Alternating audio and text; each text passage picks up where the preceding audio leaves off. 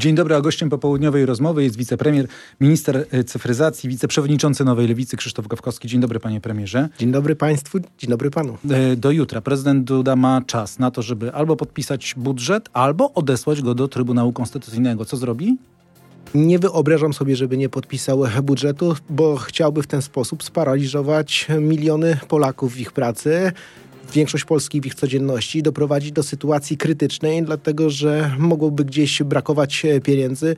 Byłaby trudna do wyobrażenia sytuacja, bo żaden prezydent nigdy nie zdecydował się na taki krok, szczególnie, że to nie jest kompetencja żadna prezydenta. A jeżeli prezydent odeśle budżet do Trybunału Konstytucyjnego, to będzie przesłanka do nowych wyborów? Do rozpisania nowych wyborów? Do rozwiązania nie, Sejmu? To będzie przesłanka do tego, że prezydent Andrzej Duda staje po stronie pana Kaczyńskiego. Będzie to przesłanka, żeby powiedzieć wprost.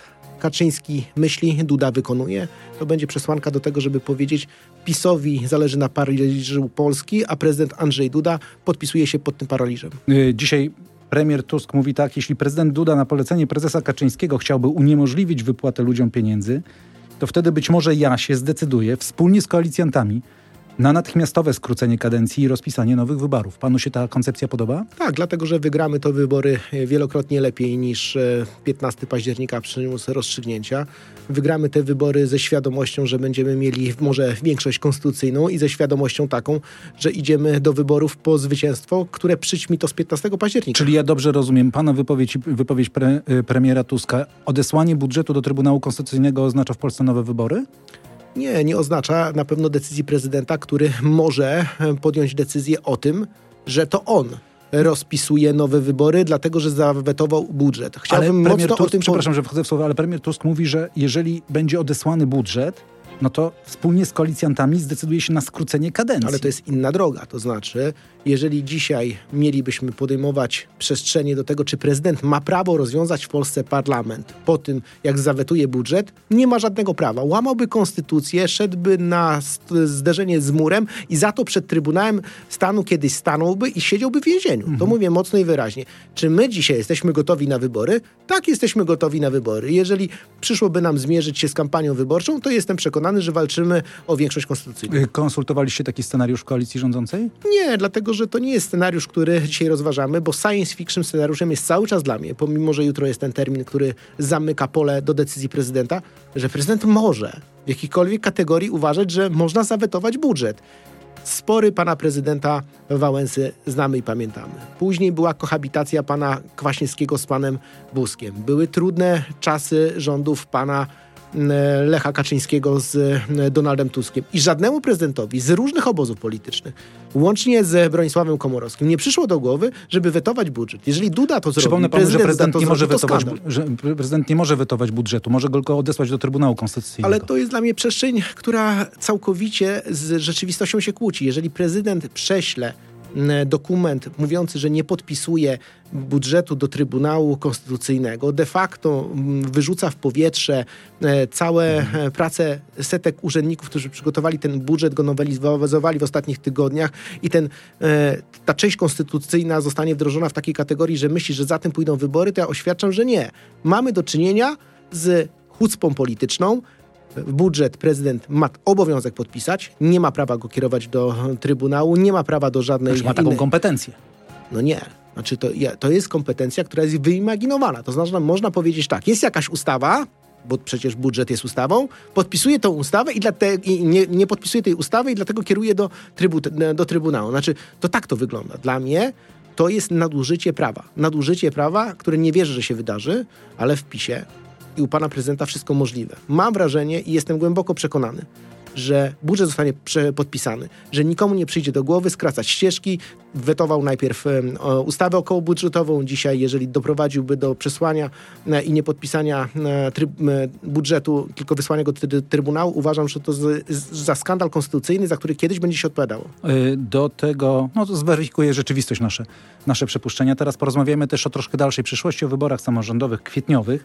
Każdy z, koalicjantów idzie z oddzielnym komitetem. Panu takie rozwiązanie się podoba?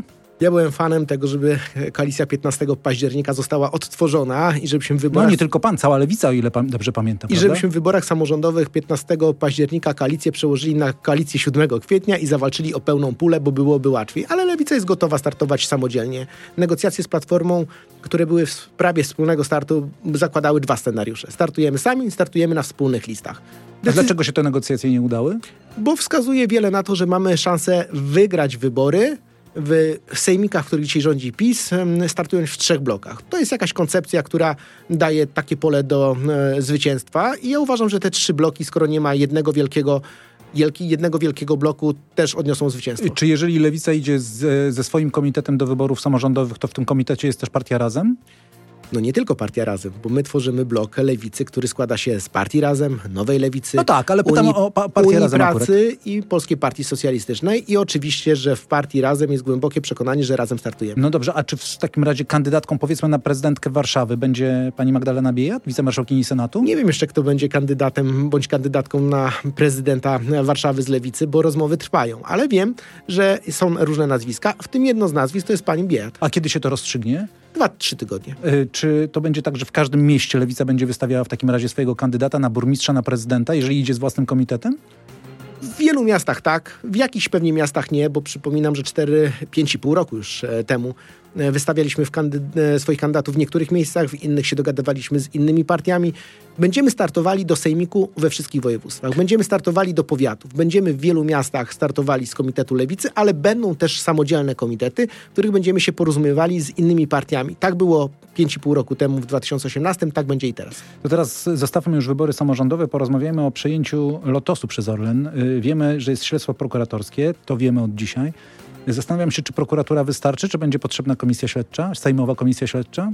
Myślę, że jedno drugiego nie, wykr- nie wyklucza. Sprawa dotycząca fuzji e, Orlenu z Lotosem, wchłonięcia przez e, e, Orlen Lotosu, budziła i budzi pewnie wiele emocji. Nie wiemy tak naprawdę, jak one ostatecznie wyglądały. Ja cieszę się, że organy państwa będą się takim fuzjom przyglądały, bo powinna być ochrona, taki parasol służb specjalnych od początku nad takimi transakcjami, bo jeżeli budzą wątpliwości, nie wiadomo, kto do końca mógł na tym zarobić, to to powinno być prześwietlone do dna. Ale do dna to pan rozumie te, m, przez te, prześwietlenie do samego dna również komisję śledczą, bo Donald Tusk sam mówi, że nie jest entuzjastą takiego rozwiązania. My już mamy trzy komisje śledcze w polskim parlamencie. Jestem fanem tego, żeby one w końcu zaczęły wszystkie też prace i, i w jakimś terminie niedalekim je skończyły.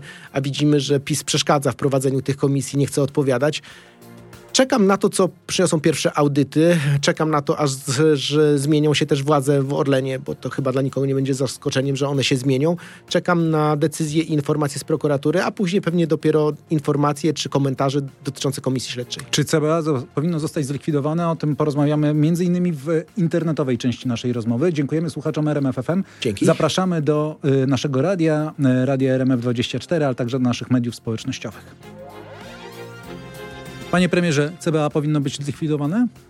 W obecnej formie Centralne Biuro Antykorupcyjne według mnie jest niewydolne i powinno nie być likwidowane, a włączone w strukturę policji. To znaczy nie chciałbym, żeby w Polsce zniknęła służba, która może taki parasol antykorupcyjny trzymać nad władzą, politykami, ale powinna ona być tak zorganizowana, żeby być jednym z elementów polskiej policji. Ale co pan ma na myśli? To znaczy, że, rozumiem, sama służba jako CBA przestaje istnieć, to jest wtedy, rozumiem, tylko pewien pion policyjny, tak? Tak, to bym sobie wyobrażał, byłoby to najbardziej przejrzyste, wszystko by było w rę- rękach komendanta głównego policji. Podobnie funkcjonuje kilka służb, na przykład Centralne Biuro Śledcze, Biuro e, Walki i Ochrony Cybernetycznej. No to są takie przestrzenie, które znamy.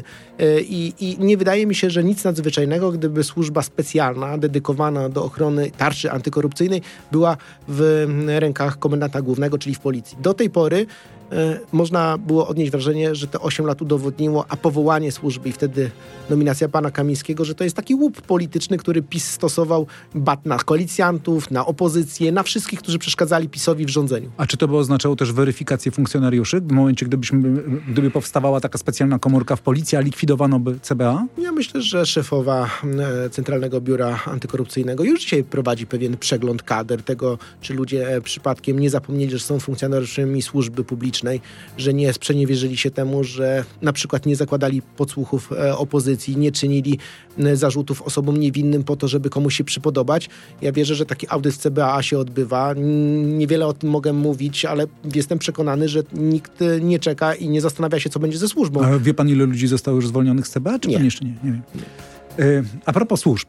W wywiadzie dla Rzeczpospolitej, tym najnowszym, y, y, powiedział pan taką rzecz, która bardzo mnie zaciekawiła. Jestem zwolen... To a propos, y, a propos sztucznej inteligencji. Jestem zwolennikiem tego, żeby służby specjalne miały nad sobą odpowiedni nadzór, który będzie pozwalał ujawniać, kogo inwigilowały. Jeżeli te dane po jakimś czasie nie są już wykorzystywane na przykład w celach proce- procesowych Potwierdzam.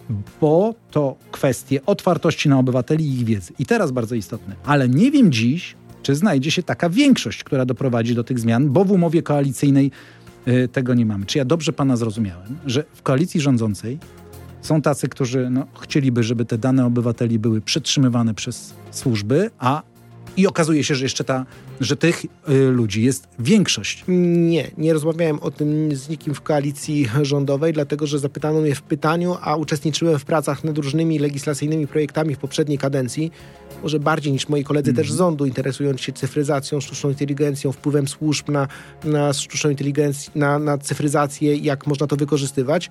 I projekty ustaw, które strona społeczna nam przedstawiała, w tym przepis bardzo ciekawy, który osobiście popieram i byłbym, będę jego lobbystą, namawiając kolegów z rządu, byłby taki, że jeżeli do kogoś wchodzi służba z podsłuchem, inwigilacją sieciową, jakąkolwiek, i okazuje się ona niesłuszna, to znaczy nie zostało spełniona przesłanka dotycząca możliwości popełnienia przez, przestępstwa, to po określonym okresie dotyczącym na przykład zamknięcia tej sprawy, ta osoba powinna być przez państwo informowana, że w stosunku do niej takie czynności były podejmowane. To by było bardzo uczciwe, bo wtedy te nadużycia, których PiS prowadził, na przykład Pegasusem, by się nie zdarzały. Tak, tak, to jest wszystko dla mnie jasne. Tylko interesuje mnie ta druga część pańskiej wypowiedzi. Mówi pan, że w koalicji rządzącej nie ma większości dla takiego pomysłu. Bo I zastanawiam się, dlaczego tej większości nie pamiętam- ma i kto, Bo kto pamiętam jest też takie za tym. dopytanie, które za tym szło, to kiedy to będzie? Nie wiem, kiedy to będzie, dlatego że nie rozmawialiśmy dzisiaj jeszcze bardzo systemowo o reformie służb. Ja wiem, że w MSW i przy kolegium pana ministra Siemoniaka toczą się rozmowy o tym, jak służby powinny być zreformowane, jak powinna wyglądać nowa e, sytuacja takiego, można powiedzieć, bardzo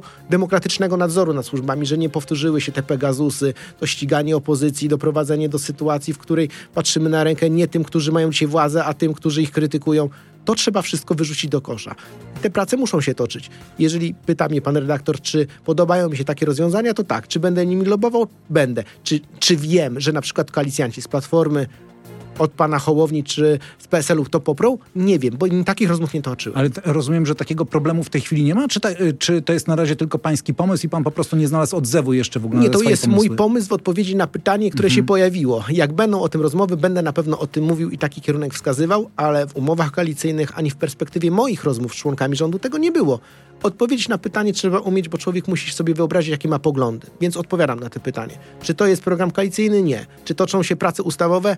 Nie. To jest Krzysztofa Gawkowskiego myśl. Jeżeli pojawi się e, proces e, legislacyjny dotyczący zmian ustaw e, związanych z podsłuchami i inwigilacją, to uważam, że na końcu tego procesu powinny być te słowa, które tam wskazywałem. Rozmawiamy zaraz o sztucznej inteligencji. Y, sztuczna inteligencja we wszystkich dziedzinach życia, pańskim zdaniem? Codziennie już. No, a, ale powinna być obecna we wszystkich dziedzinach. Już jest obecna. Nie, y, od tego nie uciekniemy, ale to jest, niektórzy się boją, wielu się boi, Tak. obawia się sztucznej inteligencji słusznie. Dlatego może. to ja się wtrącę, panie redaktorze. Dlatego powiem może coś, co nie, nie zawsze władzy idzie w parze z takim rozsądkiem, że to ludzie popierają, ale ja uważam, że cyfryzacja, a szczególnie sztuczna inteligencja musi być bardziej uregulowana. Jeżeli nie powiemy mocno, że musimy nowe technologie w jakiś sposób e, otoczyć opieką legislacyjną i też no, hamulce tam zamontować, to będzie tylko gorzej. To znaczy, jeżeli są tacy ludzie też do nas, do resortu cyfryzacji przychodzą, mówią, nic nie będziemy regulowali, to szybciej się będzie rozwijało. To ja mówię, basta, stop, to tak nie będzie. To znaczy, muszą być regulacje dotyczące sztucznej inteligencji, bo są rzeczy dotyczące naszej biometrii, czyli na przykład kształtu naszego ciała, twarzy, albo są e, elementy na przykład wpływania na nasze życie, że ktoś może wziąć nasze dane.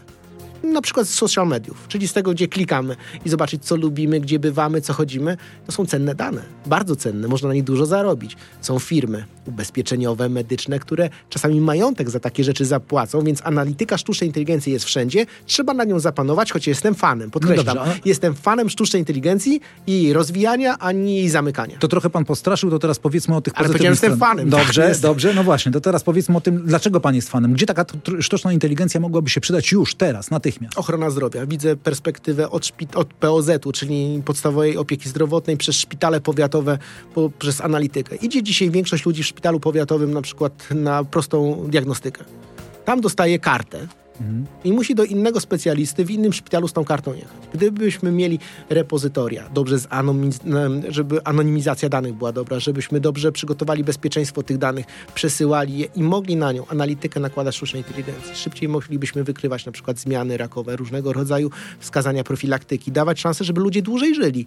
Uważam, że perspektywa ochrony zdrowia dla sztucznej inteligencji to jest symbioza. To znaczy ja i pan, a i nasze dzieci w przyszłości, na przykład z doradztwa takiego sztucznej inteligencji, jak lekarz, albo na przykład takiej analityki, będziemy korzystali. Zresztą nie chcę wymieniać jednej firmy tutaj, bo to jest tak, że żadnego lobbingu nigdy nie uczestniczyłem, ale jest duża wyszukiwarka, której większość Polaków korzysta i na świecie z niej korzysta. I nawet ci mówi, że ta wyszukiwarka to pewien rodzaju doktor, którego można No sobie... tak, tak. Tylko, że to, Dener- tylko, że to nie się jest bardzo sztuczna- no właśnie, I to właśnie nie jest sztuczna inteligencja. I to powinniśmy wygumkować, bo to jest myślenie takie, my sami sobie pomożemy. A ja mówię o sztucznej inteligencji, która powinna mieć ramy, powinna mieć odpowiednią opiekę, również medyczną, która daje poczucie, że na przykład lepsza analityka, szybszy dostęp do specjalisty jest możliwy i też rekomendacja. Mów, zrób to i to, dłużej będziesz żył. Sztuczna inteligencja w takim razie w służbie zdrowia, a gdzie na pewno nie powinno być sztucznej inteligencji. Nie wiem, wie pan, dla mnie prosty przykład. Sterowanie służbami miejskimi to jest dobry, dobre miejsce, gdzie sztuczna inteligencja mogłaby się sprawdzić. I tak i nie.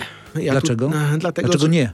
No bo wyobrażam sobie, że też e, systemy musiałyby być tak znakomicie zabezpieczone, żeby na przykład analityka dotycząca świateł, czyli tego, jakie uruchamiamy, nie dawała perspektywy, że ktoś jest dzisiaj w stanie przełamać wszystkie zabezpieczenia. Tutaj zawsze będzie dyskusja, czy zabezpieczenia wytrzymają, czy nie wytrzymają. Dzisiaj są też takie hardware'owe e, sprzętowe, żebyśmy to dobrze tak. nazywali, e, zabezpieczenia, które pozwalają, że na skrzyżowaniu mamy tak przygotowane światła, że czerwone z zielonym tak, ale zielone z zielonym nigdy nie. E, Znaczy, nigdy się nie zapali w tym samym momencie.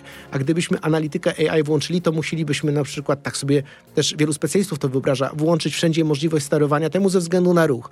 I to by pozwalało już na przykład na e, możliwości sterowania tego albo włamania się do tego. Nie wykluczam tego. Ale korki może byłyby mniejsze w wielkich miastach. Wszystko jest dla ludzi, bo wszystko tworzą ludzie. Tylko jak wchodzi sztuczna inteligencja, uczenie maszynowe, algorytmy, które piszemy, które same nadpisują siebie, to zaczyna też dochodzić pytanie, czy człowiek już sam o tym wszystkim będzie decydował. I w sztucznej inteligencji zalecam też w jej użytkowaniu rozsądek.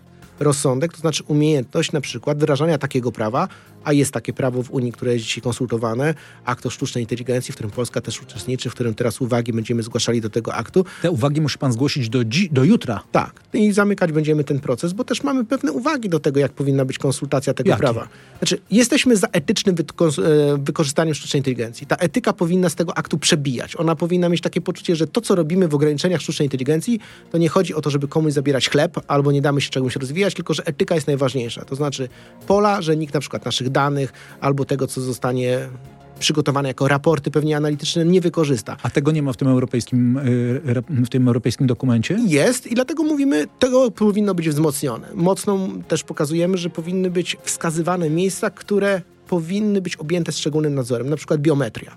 Jeżeli chcemy, żeby w czasie rzeczywistym dane biometryczne, na przykład wykorzystywane były przez służby, to musi być zgoda sądu. Czyli miejsce i pole do tego, żeby to sąd wyrażał zgodę, żeby na przykład nas szukać, sprawdzać, bo inaczej dochodzi do takiego poczucia, że będzie nas wszędzie można pod- poddać jakiejś analizie. Czyli I tego chcemy unikać. Czyli generalnie na przykład w monitoringu miejskim nie byłoby możliwe szukanie y, kogoś po, z wykorzystaniem sztucznej inteligencji, rozpoznawania twarzy i musimy znaleźć szybko ko, kogoś, kto popełnił przestępstwo. Dzisiaj jest to łatwiejsze. Chciałbym, żeby to było trudniejsze. A to się dzieje w Polsce? No to, panie redaktorze, to jest trochę tak. No przecież każdy potrafi sobie wyobrazić, że zepnie z sobą kilka kamer na mieście i jest w stanie włączyć program analityczny, który odczyta na przykład nasze ruchy albo odczyta nasze e, rysy twarzy. To chyba to 15-20 lat temu filmy to już pokazywały, więc dla kogoś, kto troszeczkę pracuje w cyfryzacji, w uczeniu maszynowym, zna języki programowania, zdaje sobie sprawę, że to można zrobić. Można to zrobić, ale żeby nie nadużywać tego, potrzebne są regulacje. Dzisiaj ich w Polsce i w Europie, podkreślam, brakuje. To, y, jak pan słyszał o tym pewnie, że Francuzi podczas igrzysk chcą włączyć taki system, żeby Jeszcze monitoring... mogą. Jeszcze mogą, y, kiedy monitoring miejski ma możliwość wykrywania twarzy. Ale słyszałem też głosy na przykład z MKOL-u, słyszałem też głosy od różnych stron e, uczestników, że czy to jest na pewno etyczne. Takie głosy też słyszałem. I Proszę rozumiem, bardzo. że pańskim zdaniem to nie jest etyczne. E, No, to jest pytanie, ile bezpieczeństwa, a ile otwartości danych. Ile zgadzamy się jako ludzie nałożyć na siebie pewnych masek czy zbroi, a ile zdajemy sobie sprawę, że robimy to dla naszego bezpieczeństwa. Zawsze to będzie pytanie kluczowe. To znaczy, czy powinniśmy nasze dane poddawać mm, pełnej kontroli. Pamiętam wdrożenie w 2018 roku prawa o ochronie danych osobowych. Te wszystkie przepisy, które z Unii wtedy przyjeżdżały, dwa lata na wdrożenie, mówiono, co to jest, tragedia, gdzieś tam. Ale wyobraźmy sobie rok 2024.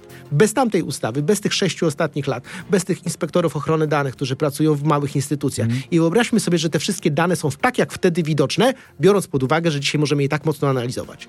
Czy bylibyśmy w lepszym miejscu, czy w gorszym? Ja uważam, że w gorszym. Trzeba było przejść punkt ry- krytyczny. Ludzie się denerwowali. Po co to wdrożenie, a te firmy, które protestowały? Okazało się, że jednak poszliśmy w dobrym miejscu. Więc myślę, że regulacje AI i inne regulacje, na przykład fake newsów, dezinformacji, są nam potrzebne. A y, regulacje właśnie a propos fake newsów, y, fałszywych SMS-ów również. Co można zrobić z fałszywymi SMS-ami? Bo rozumiem, że jest taki pomysł Ministerstwa Cyfryzacji, Tak. ale kto ma za to odpowiadać? My, operatorzy?